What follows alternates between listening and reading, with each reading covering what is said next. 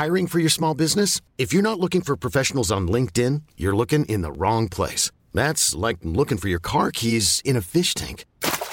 LinkedIn helps you hire professionals you can't find anywhere else, even those who aren't actively searching for a new job but might be open to the perfect role. In a given month, over 70% of LinkedIn users don't even visit other leading job sites. So start looking in the right place. With LinkedIn, you can hire professionals like a professional. Post your free job on linkedin.com slash achieve today.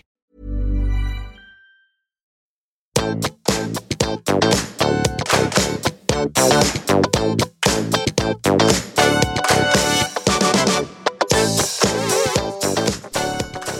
alle sammen, og velkommen tilbake til podkasten Karriereveiledning med Elaine. Ukens episode den skal handle om du kan ikke bli hva du vil, men du kan bli alt det du er. For du, har du tenkt over hvor mye du egentlig er verdt? Og hvor kommer den opplevelsen eller tankene eller følelsene av hva du har vært fra? Hvor mye tid bruker du på, eller energi tar det? Um, du sammenligner deg med andre og kanskje tenker at du er mindre verdt. Tenker at du kommer aldri til å få det til. Tenker at det, ikke sant? Men det ene med det andre. Så hva er det som gjør at vi sammenligner oss med andre? Og det som er så fascinerende, at det til og med ganske ofte får oss til å føle oss dårlig. Allikevel så gjør vi det. Så denne episoden her er en bitte lita sånn fem-ti minutters snutt. Lite sånn friskt puss som du kan ta med deg inn der hvor du er, dag, kveld eller natt. Og bare ha på øret. Og så håper jeg at du kan ta med deg en eller to små tanker herfra. Fordi jeg pleier å si, og dette her har jeg opplevd gjennom alle de årene jeg jobbet med karriereveiledning selv om folk har kanskje de samme ønskene om yrke, eller tatt samme utdanning, eller noenlunde ser ut som de har lik bakgrunn, så kommer det til uttrykk på så forskjellige måter. Så brenner du inne med noe, noe, noe kunst, noe du har lagd, sangstemmen din, eh, hva enn. Og selv om det fins masse av det i verden, så er det ingen som har akkurat ditt uttrykk. Og dette her er jo ofte det som begrenser oss òg, fordi det er sånne overbevisninger sånn Ja, men det fins allerede. Ja, men det har noen tenkt på. Ja, men se på det. Poenget er at det er ingen som er som, akkurat som deg, eller som gjør ting akkurat på din måte. Og visste du, da, hvis vi snakker litt om epigenetikk, at trening, kosthold og levesett kan påvirke genene våre. Og hvorfor er dette viktig? Jo, for av og til så tenker vi som følger. Og dette har jeg snakket om i en tidligere podkastepisode. Dette med låst og utviklende tankesett. Dette er en psykolog ved Stanford University, altså Carol Dweck. Hun har jo da forsket på dette. Og med et låst tankesett så handler det om at jeg forholder meg til det jeg vet tilbakemelding eller kritikk, det tar jeg altså rett og slett personlig. Jeg liker ikke prøve nye ting. Jeg blir misunnelig når andre lykkes, og det er Jeg er bare den jeg er. Jeg får ikke gjort noe med det. Så jeg kommer fra det og det miljøet, eller ja, i familien min har man aldri mestra dette, eller dette er min sosioøkonomiske status, f.eks. Mens med et utviklingsorientert tankesett så handler det om at jeg tar feedback som en mulighet til å vokse. Får jeg det ikke til, så undersøker jeg hvorfor å lære fra det. Jeg blir inspirert når andre lykkes. Jeg liker å prøve nye ting. Og ikke minst, det er altså holdningene mine og evnene mine som er avgjørende for at jeg lykkes.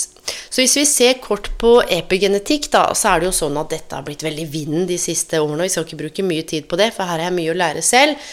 Men forskere finner stadig ut mer og mer om hvordan miljøet påvirker genene våre. Og i tilfeller eh, som også kan knytte seg til arv. da. Altså hvordan miljøet påvirker genene, og hvordan dette her kan gå i arv. Og dette er da epigenetikk. Og så er det jo sånn at alt ligger jo ikke i genene, for det har vært en sånn evig diskusjon. Hva er det som er arv? Hva er det som miljø? Hva er det som påvirker utviklingen vår? Hvem vi er? Og så er det jo noen ting da, som er ikke sant? Jeg har jo blå øyne, så da har jeg jo blå øyne. Uh, Fattern har brune øyne. Det er ganske sånn konstant. Men det som er så fascinerende som de har sett på nå, er at både egenskaper, holdninger, kunnskaper, interesser det kan formes hovedsakelig av det miljøet vi har rundt oss. Jeg sier det én gang til, jeg. Kanskje hvordan du ser på deg selv. Hold deg fast nå, jeg sier ikke at det er sånn, men i tråd med hvilke egenskaper du har, hvilke holdninger, kunnskap og interesser du har, er formet av miljøet rundt oss. Så hva slags miljø er du i akkurat nå, når du hører dette her? Sitter du aleine? Hva ser du rundt deg? Hva slags miljø er de på jobben? Er det et sånt giftig miljø som gjør at du blir helt tappa? Eller gir deg energi, glede, kreativitet? Nå er det ikke sånn at det kan være sånn hver dag, da. Hva slags miljø er det hjemme hos deg? Hva slags miljø er det i relasjonene rundt deg? Og her handler det ikke om å tenke 'Å, herregud, jeg er et giftig miljø, jeg må endre alle'. Her kan vi ta konkrete valg. Er dette noe vi skal forholde oss til? Klarer vi å sette grenser? Hva er det som gjør at vi er i dette miljøet? Og kanskje vi en gang ikke har oppdaga at det påvirker oss. Så hvis miljøet har så mye å si, både fra vi er små og, vil jeg tørre å påstå, til hvordan vi til dels lever livene våre i dag, så er det verdt å ta en titt på de tingene vi faktisk kan ta tak i og kontrollere rundt oss. Selvfølgelig knytta til dette med karrierevalg. Og det er jo også sånn da, at miljøpåvirkningene de kan jo bl.a. gi endringer i hvordan egenskapene våre kommer til uttrykk, og ikke minst hva vi tenker om oss selv og vår verdi. Og dette her er litt av poenget med den podkasten i dag. Hva er det du egentlig tenker at du er verdt når du titter ut i arbeidsmarkedet? Når du ser på en jobbannonse, som jeg har sagt tidligere, ser ut som de skal ha Supermann eller Superwoman. Og så møter jeg så mye folk som ikke tør å søke fordi det er to av ti kriterier eller fem av fem kriterier de ikke fyller. Og dette har jeg sagt før. Det er noen må-krav, og så er det noen ønsker-krav. Så hvordan du ser på deg selv, din egen selvoppfatning, det er viktig i forhold til hvilke valg du opplever at du har. Og her kommer det. Fordi du kan ikke bli hva du vil. Og jeg blir så sliten når jeg får høre at man sier det til folk, til små barn. Poenget er at jeg kan ikke bli president i USA. Jeg er ikke født der. Aiden kan ikke bli hva han vil. Men hør nå. Fordi vi alle har ulike uttrykk i vårt DNA, i miljøene våre, i hvem vi er, så kan du bli alt det du er. Og her vil jeg koble på kaosteori innenfor karriereveiledning, som jeg snakket om tidligere med Prior and Bright, som sier at vi mennesker er individuelle, komplekse systemer. Hvis noe skal kalles et system, så må det ha noen begrensninger. Så det at vi som mennesker har noen begrensninger, at det er noen ting du er veldig god på, og andre ting som er litt utfordrende, som kanskje ikke er så viktig for deg, så øv på det du er god på. Gjør de tingene du liker å gjøre. Og nå kan vi ikke bare løpe rundt og gjøre de tingene vi liker å gjøre, men en del av de begrensningene du har, er jo en gave. Det kan jo være spennende å se på hva du virkelig ikke er god på, hva du virkelig ikke liker. For da kan du jo se på ok, jeg vet hva jeg ikke vil, hva jeg vil vekk fra. Men hva er motsatsen av det? Hva er det jeg vil til? Så det er masse ting jeg ikke er god på. Og så er det noen ting jeg har måttet trene meg opp på og, og tatt med inn i jobben som jeg vet er viktig for andre. Helt innafor og motivasjon for å gjøre det. Og så er det ting som jeg kjenner at dette her gidder jeg ikke bruke tid på engang. Så det å også kunne embrace eller omfavne litt av begrensningene dine og vurdere er dette arv? Er det et miljø? Jeg er redd for å stå på en scene jeg skal holde foredrag. Hvor kommer det fra? Hva er det som trygger meg? Er det frykten for at noen skal le av meg? Frykten for at jeg ikke skal bli likt? Er det fordi jeg kjenner på en skam jeg hadde med meg fra barneskolen når jeg skulle presentere og ble mobba eller erta? Og når vi bruker begrep som f.eks. skam, så gå bak på egne vegne, eller snakk med en venninne eller noe du stoler på. Vær litt nysgjerrig på Jeg bruker begrepet skam. Hva er det som ligger bak? Hva er det det dreier seg om? Og som jeg har sagt tidligere også, med begrepet stress, da hører jeg ofte frykt. For når jeg er i møte med mennesker i veiledning, så ser jeg bare masse puslespillbrikker, og så ser jeg masse bur. Det er veldig vanskelig å forklare, men i hvert fall sånn, sånn, sånn det liksom dukker opp for meg.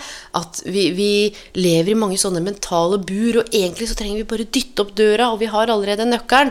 Men vi er litt fanga i disse usynlige mentale burene. Og det som er litt fascinerende med det, det handler jo også om at vi har en tendens, mange av oss, til å tenke litt sånn svart-hvitt-tenkning. Det er enten sånn eller sånn. Så det å kunne trene på på egne vegne og vite at ok, jeg kan ikke bli hva jeg vil, det er helt greit, men jeg kan bli alt det jeg er. Og da kommer jo det store spørsmålet. Hvem er jeg egentlig? Hva kan jeg, og hva vil jeg? Og jeg mener at det er altfor lite lek og kreativitet i karrierevalg, i disse store og små spørsmålene, og altfor lite Altså, det er så alvorlig, og jeg skjønner at det er viktig for mange, men dette med å leke, være kreativ, tørre å gjøre, utforske og tåle å se på Ok, det gikk ikke helt veien. Hva handla det om? Sette ting i perspektiv.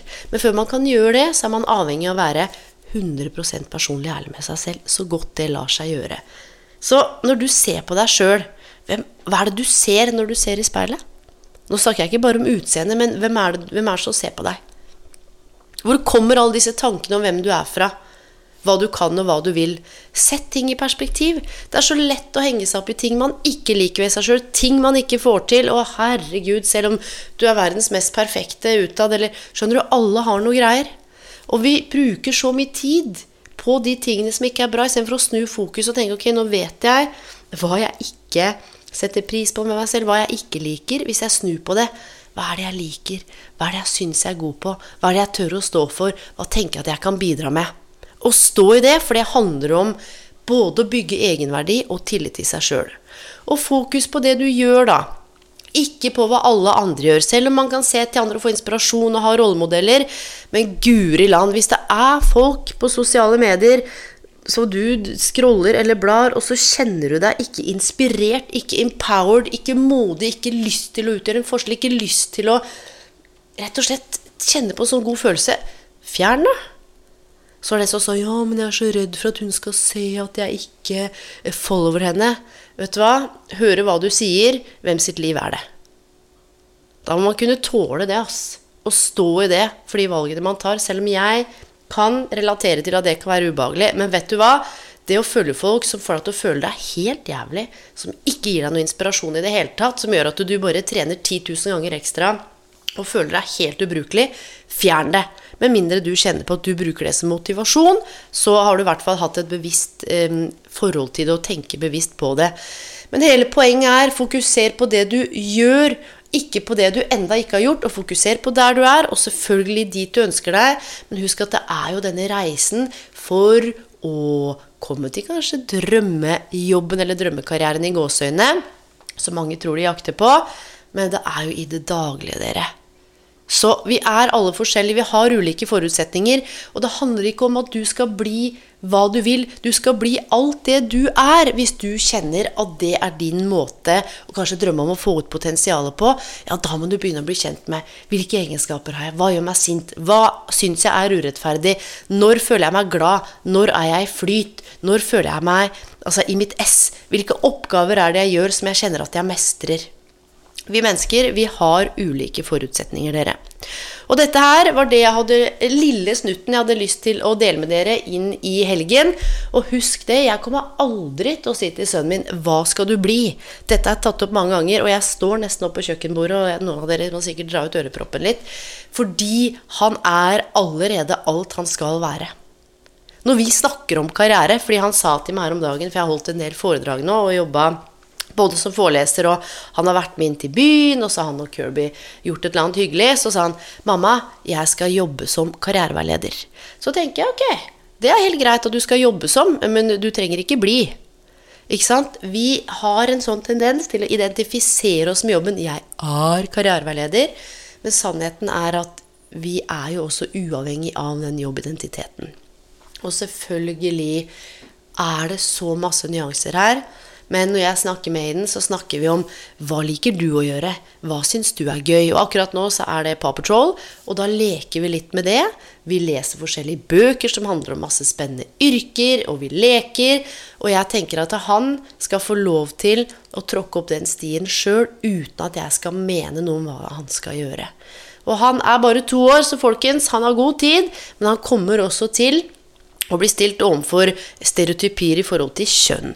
Han kommer til å få følelser og tanker om hva han kan gjøre og ikke gjøre, basert på hvem han er basert på, og hva han får med seg fra oss her hjemme i miljøet. Så du kan ikke bli hva du vil, hurra, fy fader, så deilig! Men du kan bli alt det du er, og verden, mine venner, trenger det du er. På gjenhør. God natt, god dag, god helg, hvor enn du er i verden. Og så kommer det ut en dobbeltepisode neste uke. Mwah! Tusen, tusen takk for at dere lytter. Hjertet mitt eksploderer når jeg tenker på um, å finne dere. Adjø!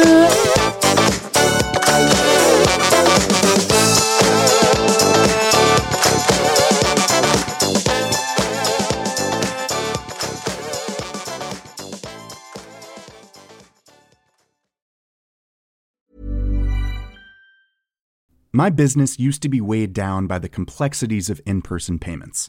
Then, Tap to Pay on iPhone and Stripe came along and changed everything. With Tap to Pay on iPhone and Stripe, I streamlined my payment process effortlessly. Now I can accept in person, contactless payments right from my iPhone. No extra hardware required. What's truly remarkable is how I can cater to all of my customers' payment preferences. Whether they're using cards, Apple Pay, or other digital wallets, Tap to Pay on iPhone and Stripe ensure a smooth checkout experience every time. And it's not just me. Stripe helps businesses of all sizes, from local markets to global retailers, scale quickly and stay agile. To learn how Tap to Pay on iPhone and Stripe can help grow your revenue and reach, visit stripe.com slash tap iPhone. Hold up. What was that? Boring. No flavor. That was as bad as those leftovers you ate all week. Kiki Palmer here, and it's time to say hello to something fresh and guilt-free. Hello Fresh. Jazz up dinner with pecan-crusted chicken or garlic butter shrimp scampi. Now that's music to my mouth. Hello Fresh. Let's get this dinner party started. Discover all the delicious possibilities at hellofresh.com.